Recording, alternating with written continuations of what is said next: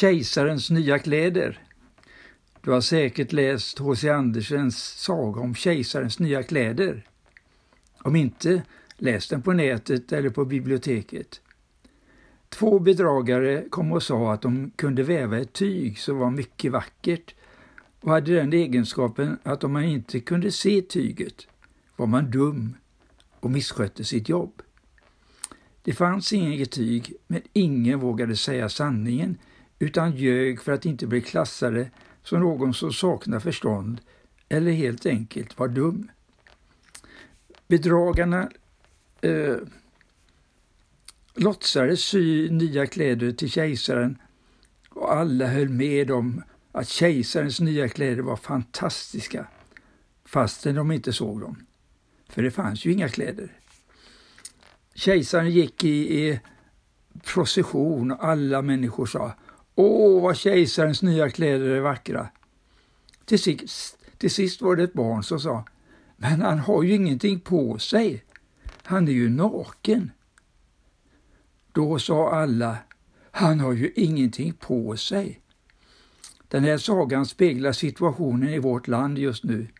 Ingen vågar säga att det RFSL propagerar för är osunt och nedbrytande.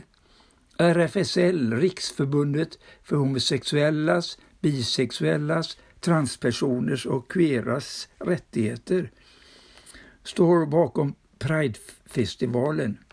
På Pridefestivalen i Stockholm kunde man gå på föreläsning om zoofili, sexuellt umgänge med djur. Man kunde få lära sig om kemsex, att via droger skapa ett starkare, en starkare sexuell kick. RFSL ser positivt på att våld och tvång kan ingå inom ramen för utövning av BDSM-sex. Man verkar för att avskaffa sexköpslagen och legalisera prostitution. RFSL får pengar från Arbetsförmedlingen, Försäkringskassan, andra myndigheter och många företag för att sponsra Pridefestivalen. Media gör allt för att förklara hur bra och viktigt allt detta är. Politikerna står där och viftar med sina regnbågsflaggor. De som inte tycker att det är bra eh, är homofober och intoleranta. Ändå tror jag att de flesta tycker som jag. Men för det mesta vågar vi inte säga något. Nu är det dags för media, politiker, myndigheter och företagare och vanliga svenskar att se den nakna sanningen. Sponsra sanningen istället. Vi är skapade till man och kvinna.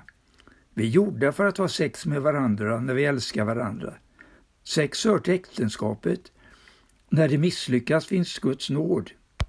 Vi är alla syndare, men om vi vänder oss till honom som har makt att förlåta synder, så finns det alltid en utväg och en framtid. Lösningen är inte fri sex med vem som helst för att tillfredsställa sina begär. Lösningen är inte att bli homosexuell eller bisexuell. Lösningen finns när du vänder dig till Jesus och låter honom ta hand om dig och det som gått fel. Fakta från ledaren i världen idag, sjätte i åttonde, men vilket år det var det har jag glömt. Det var allt för idag. Ha det så bra.